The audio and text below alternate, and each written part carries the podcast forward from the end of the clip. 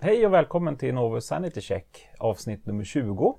Idag är det bara jag, Torbjörn Sjöström, VD för Novus och gäst Göran Hägglund. Mm. Britt är ute på resa nämligen. Så välkommen!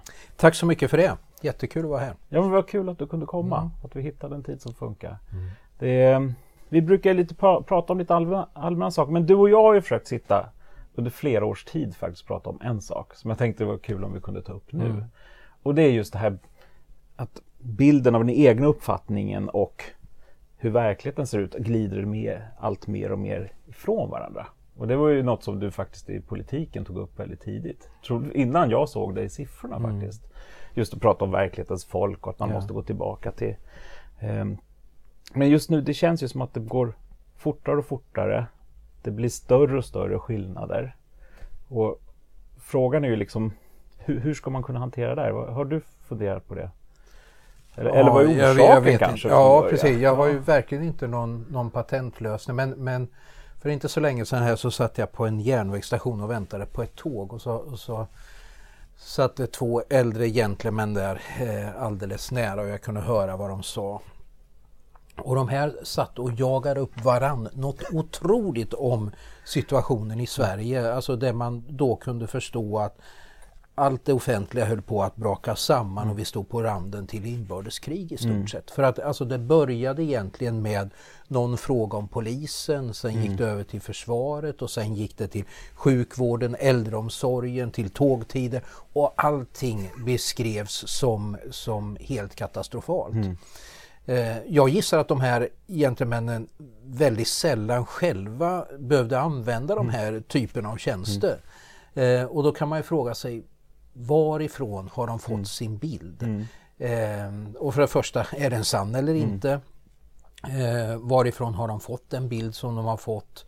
Eh, om den inte är korrekt, vad kan, vad kan man göra? Eller vilka är mekanismerna mm. för att försöka förändra en situation där åtminstone min slutsats är att väldigt många människor lever i föreställningar om tillvaron som inte stämmer överens mm. om, om hur det verkligen är. Och du har ju själv i olika sammanhang mm. satt siffror på det här och en, en sån där siffra som jag kommer ihåg väl det handlar om, om tillståndet i skolan när mm. ni hade frågat och det här har verkligen etsat sig mm. fram fast hos mig och liksom omkring vilket jag kan bygga en ganska lång story. Men, men just det när man hade frågat eh, eh, ja, befolkningen då, vad, vad, hur ser ni på svenska skolan? Och det visade sig då att 72 procent tyckte att den svenska skolan var, var undermålig i stort sett alla avseenden. Eh, och sen så frågar man, ja, okej, ni som har egna barn i skolan, hur är det för era egna barn? Och då visade det sig att inte sju av tio tyckte den var dålig utan en av tio tyckte att den var dålig. Mm. Eh, och man konstaterade, eller man hamnar tydligen inte i en situation där man, där man ifrågasätter den här skillnaden mellan den egna upplevelsen och den allmänna upplevelsen utan man, man drog slutsatsen att man själv hade en enorm tur som fick skicka sina barn till en någorlunda vettig skola med i alla fall inte helt outbildade lärare och eh, på hyggliga villkor. Men, eh, men man tyckte synd om alla andra som led av den här usla mm. skolan. Och just den där diskrepansen mellan egna upplevelsen och en allmän bild där man uppenbarligen då har lättare att ta till sig och tro att den allmänna mm. bilden är sann än mm. den egna upplevelsen. Mm. Det tycker jag är rätt eh, häpnadsväckande. Jo, men det, och det är ju det. Och det, det är det jag har gjort flera sådana nedslag. Det där var den första jag gjorde faktiskt. Ja. Jag blev förvånad över vilken enorm skillnad det var. Och en intressant sak med var ju kring medialogiken i den att det enda som publicerades i media var allmänhetens syn på hela skolan. Ja. Den, synen på den egna barnets skolgång litade man inte på. Tyckte att det här måste vara fel. Yeah. För det är ju den här bilden, vi vet ju att det är dåligt. Vi har ju sett PISA-undersökningen. Ja, ja, ja, det passade liksom inte in i den här nyheten. Det, det måste vara fel. Och förstår inte det att troligtvis är det ju mer rätt om majoriteten är nöjd med sin egna skolgång än att man tror att alla andra har det dåligt. Och, och, för, men det passar ju inte in i, i liksom den bilden man ville visa. Och det är här det blir väldigt konstigt att man fastnar liksom i Ja, men vi vet ju att Ja, och det kan ju också ha med dåliga nyheter är ju bra nyheter. Alltså nyhetsmässigt bra. Ja. Och, en, och jag sett det, det enda jag det inte såg det här gapet kring vid ett nedslag var kring äldrevården. Ja. Och det var för att just hade Uppdrag granskningen kört en publicering så då hade allt gått ner. Ja, just det, men å andra det. sidan, åldrandet är ju ingen rolig företeelse Nej, heller. så är det. Men, men där fanns det ju i, i valrörelsen 2014 så skulle då SVT granska eh, olika saker i Sverige och jämföra om det har blivit bättre eller sämre och, politiker skulle få komma till tals. Och då hade man tittat på just äldreomsorgen och det var det första man gick ut med under, under den här valrörelsegranskningen. Och då, eh, då var rubriken eh, endast två av hundra är trygga med att åldras i Sverige. Och det, det är klart att, att det, är ju, det är ju rätt slående siffror och, och kan leda till en del bekymmer. Men sen så tittar, ja, skrapar man lite på ytan så såg man att vad som låg bakom det här. Det var en mätning där man hade frågat drygt tusen personer. De här tusen personerna var inte äldre som själva hade erfarenhet eh, nödvändigtvis av äldreomsorg utan det var ett representativt urval från 18 till 74 år. Eh, och det är klart att skulle Göran Hägglund, 19 år, svara på frågan hur han eh, om han känner sig trygg med att åldras i Sverige så det är klart att man skulle få ett ganska vagt svar tror jag.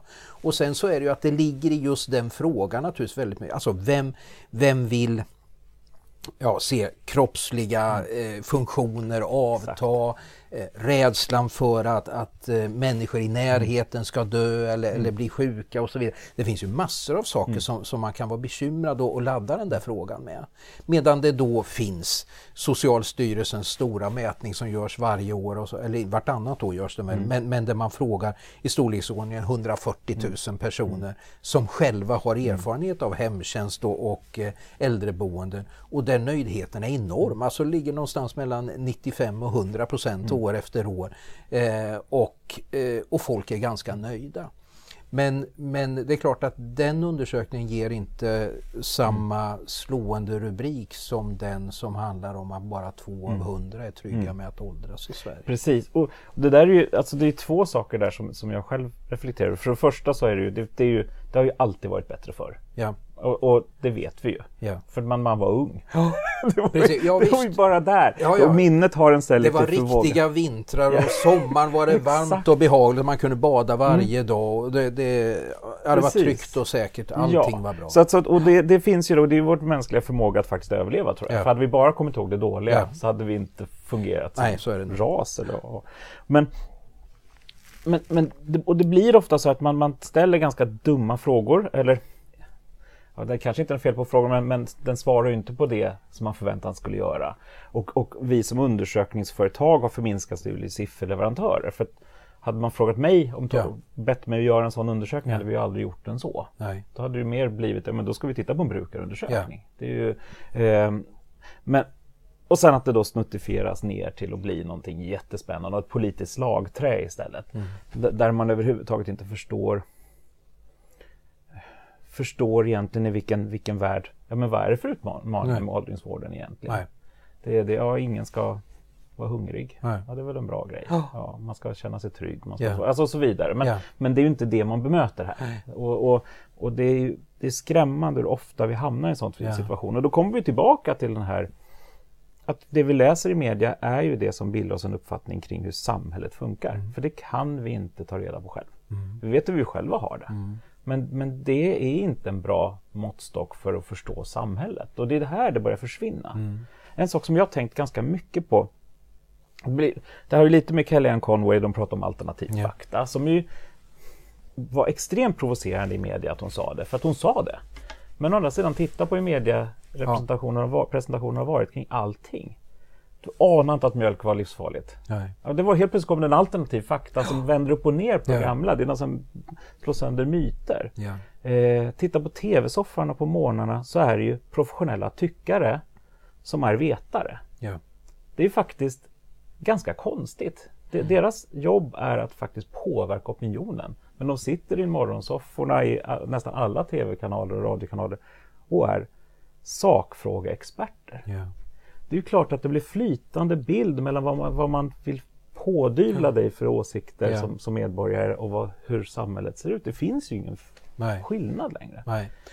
Och det, det, där är väl ett förhållningssätt som, som liksom eh, media delvis har gått mm. ifrån, som man som politiker gärna vill bortse ifrån mm. eller inte väljer. Mm. Nämligen det här att, att det är bra när vi börjar diskutera olika lösningar för hur man ska ta itu med problem och faktiskt mm. bestämma vad som är de verkliga problemen. Om man har en någorlunda gemensam bild av hur verkligheten ser, mm. ser ut mm. och att den gemensamma bilden är sann. Mm. Eh, men, men, det är klart att skulle jag som politiker då vilja beskriva ett lysande förslag för att ta äldreomsorgen mm. som vi nämnde här nu så det är klart att då, då måste jag först, eller vill jag först måla upp det här som alltigenom uselt mm. och sen så är min eleganta lösning skulle då räta upp allt det här och vi mm. skulle få eh, få en, en, fantastiskt fin tillvaro. Så att det ligger ju lite naturligtvis i, i politikerns mm. roll att, att, eh, att, beskriva och vi ser det ju nu väldigt tydligt. Eh, och jag tror alla kan se det här, men just hur naturligtvis eh, vi som företrädde Alliansen mm. tidigare i regeringsställning beskrev saker och ting som att det går framåt. Inte allting men, men väldigt mycket går framåt, det blir bättre. Medan oppositionen beskrev det som att någonting håller på att gå sönder i Sverige och, och, och vi är på väg ut för. Eh, och sen nu är rollerna mm. ombytta förstås. Mm. Eh, eh och det där där, där, finns det ju naturligtvis ett ansvar för politiker och andra opinionsbildare att, att ta i beskrivningen av verkligheten.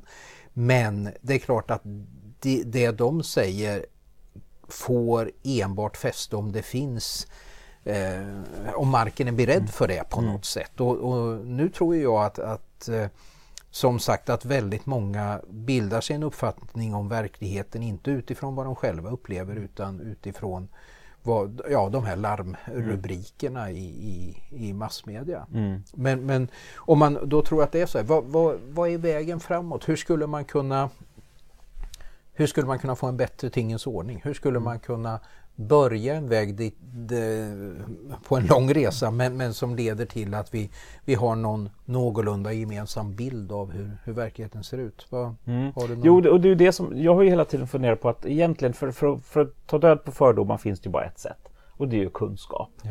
Alltså okunskapen föder ju fördomar ja. och rädsla. Ja. Och, så att enda lösningen är ju att sprida mer kunskap, men hur gör man det? Det är ju där jag liksom famlar lite nu, för jag har egentligen bara sett att den enda chansen i Sverige att göra det idag är via public service. Ja.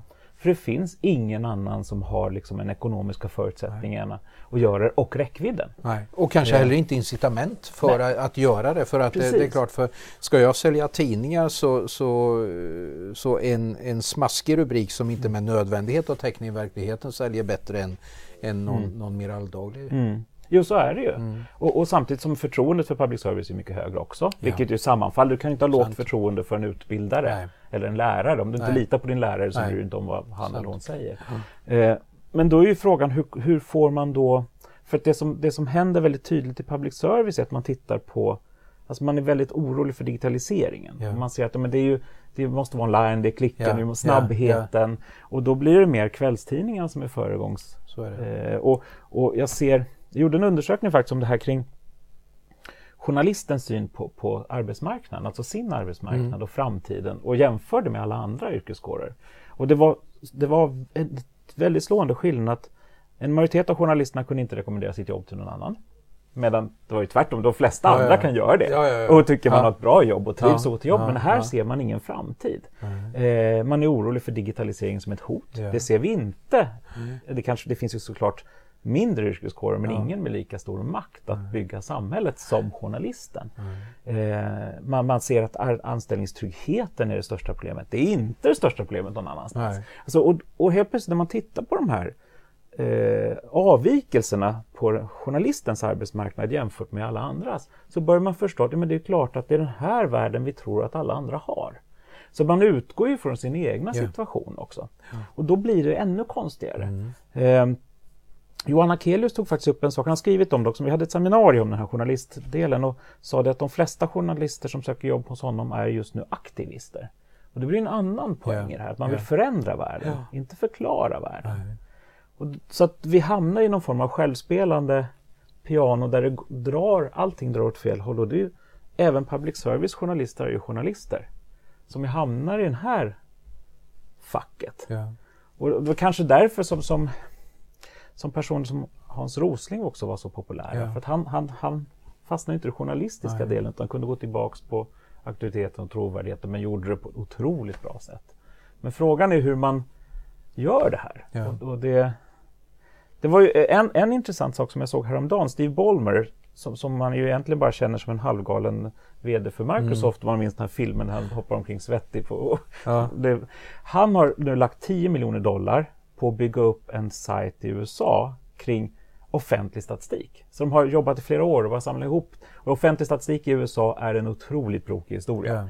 Jag har försökt leta själv någon Ja. gång och man blir helt matt. Men han har byggt en sajt för att försöka göra det här med helt egna pengar. För att faktiskt få allmänheten att förstå hur samhället funkar. Och det tror jag är en jätteintressant lösning också som komplement. För då finns det ju fakta för journalister att gå in på. Det finns helt plötsligt en form av en, en, en källa till Mm. samhällsförståelse. Det finns ju något liknande. Ekonomifakta är faktiskt en ganska bra sajt för det. Men nu drivs det av Svenskt Näringsliv och Ja. säkert upplevs Ja. säkert.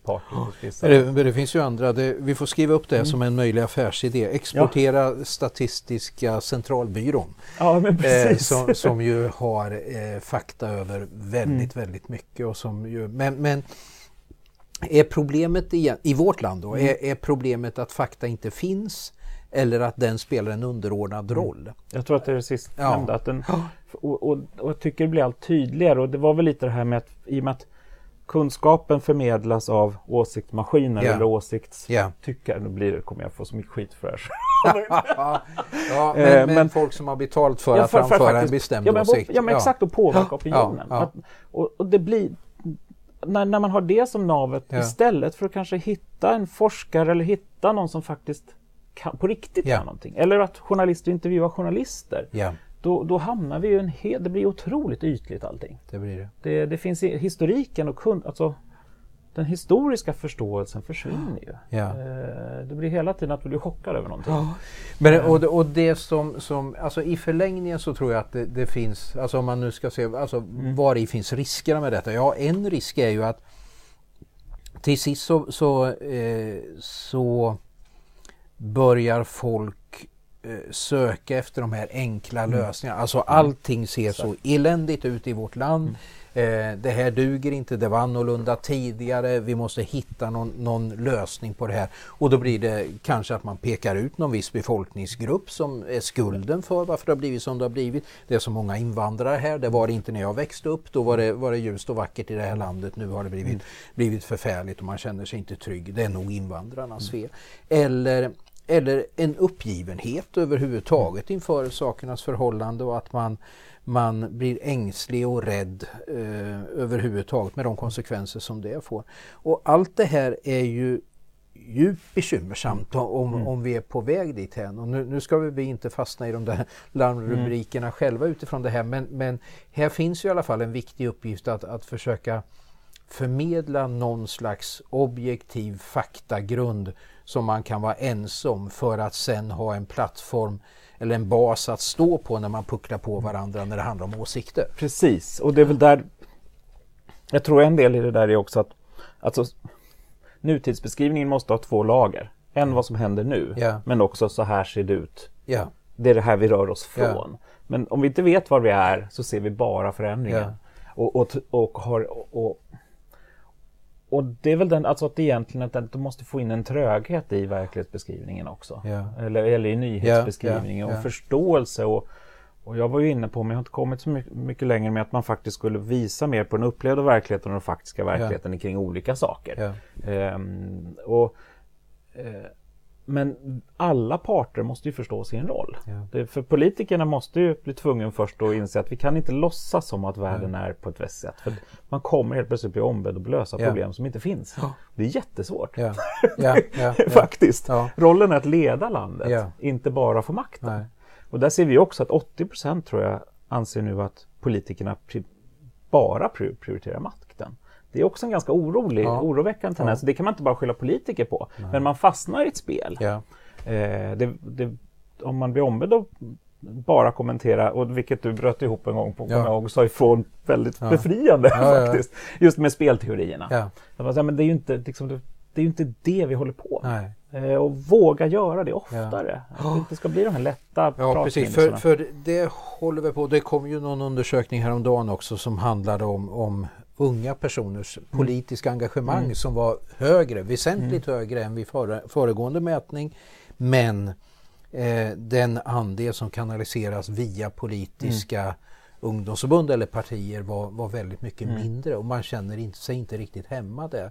Eh, och jag med, med eh, väldigt lång erfarenhet från politiken, jag tror ju att i stort sett alla, finns säkert något undantag i, i, i, varje parti, men, men generellt sett nästan alla som är aktiva i politiken har en ärlig övertygelse om att det som de föreslår och driver kommer att leda till ett bättre Sverige. Mm. Det är inte så att man sitter och hittar på knäppa grejer för att, att, eh, för att få makt eller vad det nu kan vara utan grundidén och utgångspunkten måste, när man betraktar en politiker ska vara de tror faktiskt på det här de säger.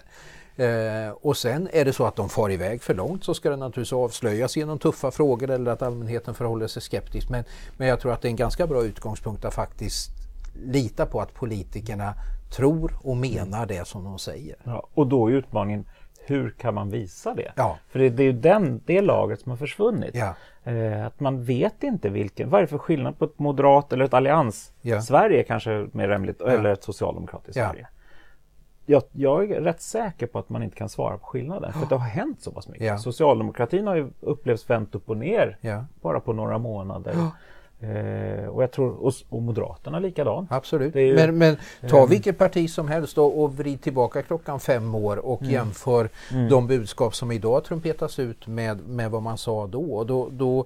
Då är det självklart så att omvärlden har också förändrats. Vi har mm. en situation där vi har fått jättemycket flyktingar till vårt land. Det krävde extraordinära åtgärder. Det var naturligtvis supersvårt att vara politiker mm. i det här läget. Man hade inte mycket att hålla sig i utan man var tvungen att, att utforma politiken i takt med att, att, eh, att tiden gick där och det var otroligt svårt naturligtvis. Men, men eh, man försöker anpassa sig och göra så bra man kan. Men det är väl också så att som politiker så drivs man ju lite till att inte säga så här att ja, den här frågan är jättesvår.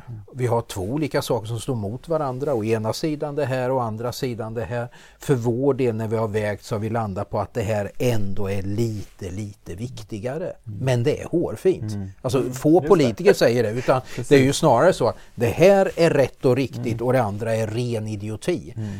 Eh, för att göra skillnaderna mm. tydliga och göra politiken mer spännande. Men, men både du och jag vet att, att vare sig vi ska vi väljer mellan två olika produkter i en butik eller vi, vi, vi ska bilda oss en uppfattning så är det ju så att man, man det finns fördelar med, med både det ena och det mm. andra. Och till sist om man måste bestämma sig så, så är det en avvägning där någonting kommer att vara viktigare än annat. Mm. Och det är nästan alltid så att det nästan aldrig så att det är svart eller vitt utan det är liksom en, en grå skala mm. där, där det gäller att, att sätta ner foten någonstans. Mm. Och då är frågan, för att där ligger ju politikens uppgift att förmedla gråskalan med. Ja. Särskilt som ja. media blir mer svartvit. Ja. Alltså, men, men, men nu, för att, och det är där jag tror att jag har pratat med några faktiskt eh, tror faktiskt din efterträdare också pratade ja. med det här om att, att just att det är så viktigt att börja gå tillbaka. Inte låta den här svartvita ja. världen med, med breaking ja. news få styra politiken. Nej. Utan man snarare, nej men vänta, det, det, det, är inte vi som bestämmer själva och vi måste kunna förklara varför. Ja. Um, och, men, fråg, men det är ju så lätt att fastna i det, för enda vägen ut är ju också att faktiskt nå ut till massorna. Det var ju, Trump visar ju det. Han vann ju på grund av massmedia. Ja. Det var inget annat. Nej.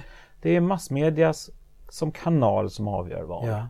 Och hur gör man, det är ju här ja. vi hamnar i en Nej, men det, det kan, finns ju verkligen skäl att mm. fundera på. Alltså, eh, åtminstone som jag vill tro att det var, eller föreställer mig att det var, så, så förr i världen så var det ju så att det var bättre om tid. Skulle mm. det genomföras ett, eller införas ett nytt pensionssystem i Sverige så, så utreddes det under många år. Där man hann samtala i partier. Eh, politiker var ute och talade i bygdegårdar och Folkets mm. hus-sammanhang och vad det nu kunde vara. Och, och, många var engagerade och så, så småningom fattade man beslut. Idag så, så är det ju väldigt få människor som är involverade relativt sett då. eh, i en sån här process. Eh, kraven på hastighet ökar. Eh, mer och mer utspelar sig på den mediala arenan mm. istället för i mötet mellan väljare och valda. Mm. Eh, och där ligger nog ett, ett, ganska stort bekymmer som det i och för sig inte är lätt att säga hur, hur förändrar man det här. Eh, ett sätt är ju naturligtvis sociala medier som, som ju går att bruka men också att missbruka. Men att, att jag kan få tillfälle, eller en politiker ska vi säga, kan få tillfälle att, att presentera sina tankar i ett längre mm. sammanhang i, i form av ett videoklipp eller i form av en lite längre text som, som, eh, som man får ut på Twitter eller på Facebook eller vad det nu kan vara.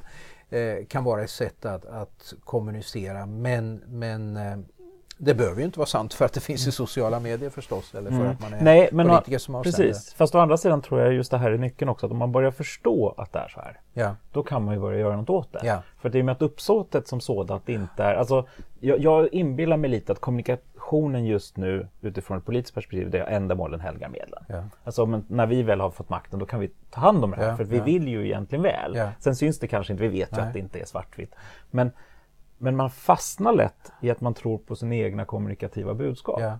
För att det är så otroligt lätt. Det, det kan man väl både am, am, brukas till gott men också lätt att man faktiskt råkar lura sig själv på sina egna lögner. Så kan det vara. Eh, och, och, och då försvinner liksom den här dimensionen och så. Men man förstår att det jag säger i media är faktiskt det som kommer att bli sanningen. Ja så, så kommer man kanske börja försöka jobba ja. mot lite. Ja. Sen gäller, ja. Alltså det som är lite knepigt i, mm. i, i den här frågan, alltså här, vi kommer inte att liksom hitta på eh, det här är lösningen, gör vi så här så grejer det sig. Och det, eh, det lite ligger ju i det här att det finns ingen tydlig skurk eller, mm. eller eh, någon som, som ligger bakom det här, alltså som, som man kan bekämpa eller så, utan det är incitament i många olika sammanhang. Så, alltså, media vill ha klick eller media vill ha prenumeranter eller vill sälja en tidning eller vill ha tittare på Rapport 1930 eller vad det nu kan vara. Eh, politikern vill komma först i nyhetssändningen genom att säga någonting dramatiskt som kanske inte nödvändigtvis har 100% täckning men det, det, är en så skarpt uttalande så journalisterna kan inte gå förbi det. Och alltså att det, det blir, många dra, grejer drar åt samma håll och tillsammans så dras vi till en situation som ingen vill ha. Ja men precis och, och alla känner sig nog kidnappade av situationen ja, för att ja. någon annan drar. Ja. Och man måste, stannar upp så kommer det bli lämnad bakom.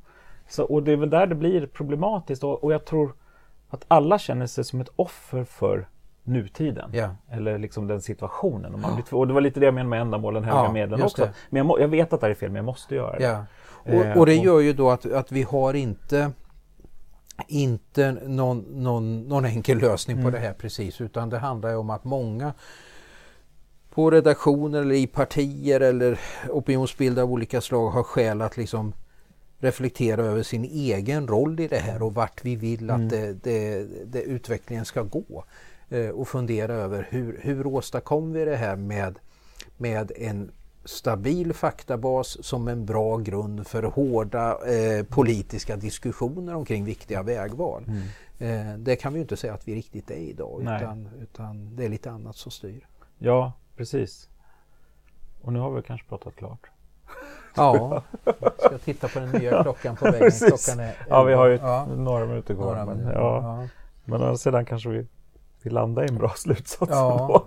Ja, man måste ja, men, förstå själv var man är och, ja. eller sin egna roll i det här. För att jag tror, och, det är i och för sig om man går tillbaka till undersökningsbranschen, det jag jobbat med hela tiden är att faktiskt gå tillbaka till våra värden. Gå tillbaka till att vi levererar kunskap, inte bara att beskriva inte bara, eller förlåt, förklara, inte bara visa. Liksom. Och, eh, och då blir inte digitaliseringen ett problem längre. Nej. Då blir det också ett verktyg. Ja. Och det är ingenting som gör att allting blir gratis och jättefort. Tvärtom mm. så behöver vi ha mer information nu för att allt går så fort. Ja. Vi behöver reflektera mycket mer ja. nu än vad vi tidigare gjort. Va, vad var det som gjorde, tror du, att Hans Rosling eh, budskap slog igenom så, så mycket som det gjorde? Jag tror att delvis hade han ju faktiskt en akademisk titel. Ja. Alltså vilket gjorde att han liksom ja. trovärdighet från gammal gubbe. Ja. Det kan vara en gammal kvinna också men, ja. men att det var inte någon, någon 20-åring. Eh, men sen var det han var ju en pedagogisk pedagogisk geni. Som, som faktiskt hittade balansgången där. Men jag tror det är auktoriteten och faktiskt att vilja berätta saker. Eh, och, och, det kan ju fler göra.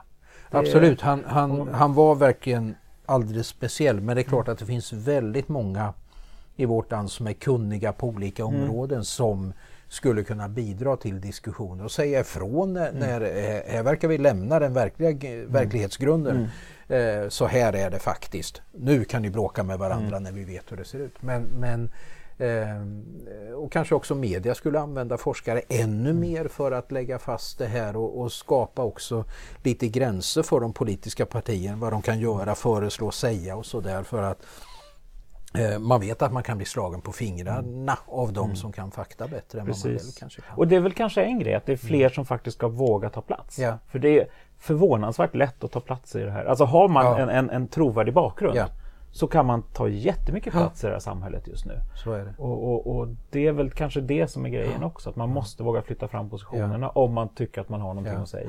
Och jag Eh. tror att, att alltså precis som du är inne på, att i en tid där, där väldigt många sanningar ställs på huvudet, där väldigt mycket ifrågasätt, så finns det utrymme, eh, inte minst i politiken men också i andra sammanhang, för personer som, som stannar upp, reflekterar, eh, försöker förklara, lägga till rätta eh, och kommer med, med, med genomtänkta lösningar som inte eh, låter sig dras med riktigt i det här jagandet efter de där korta poängerna bara utan att, att bygga förtroende. Men, men eh, ja, jag, jag tror helt enkelt att det är väldigt många tillsammans som behöver göra det. Mm. Om väldigt många tänker igenom vil, vilken roll har du och jag, vi på den offentliga Mm. arenan så, så, så kan vi hantera det på ett bra Mm. sätt. Men vi har ju sett i, i jag menar låt oss säga Berlusconi Mm. i Italien eller nu Trump i USA och så här att det, eh, det finns ju verkligen risker i en situation där, eh, där vi inte tänker efter och där vi inte agerar på Mm. ett förnuftigt sätt. Precis. Och, och det är väl just den här, både, både ilskan skapar ju aktivism men det skapar också apati. Mm. Men det innebär att de som skriker högst också får otroligt mycket makt. Eh, och de är ofta som räddaste. Så är det. Det har jag märkt. Jag Och därmed så blir de också de tydligaste. Precis. Eh, och, och, eh, men, men det måste också finnas en tydlighet omkring det här med, med fakta, en tydlighet omkring svårigheterna, vilka avvägningar som måste göras. Eh, det är ju först då vi har en vettig Mm. grund. Mm. Så är det. Ja, tack för att du kom. Tack så mycket. Ha det bra.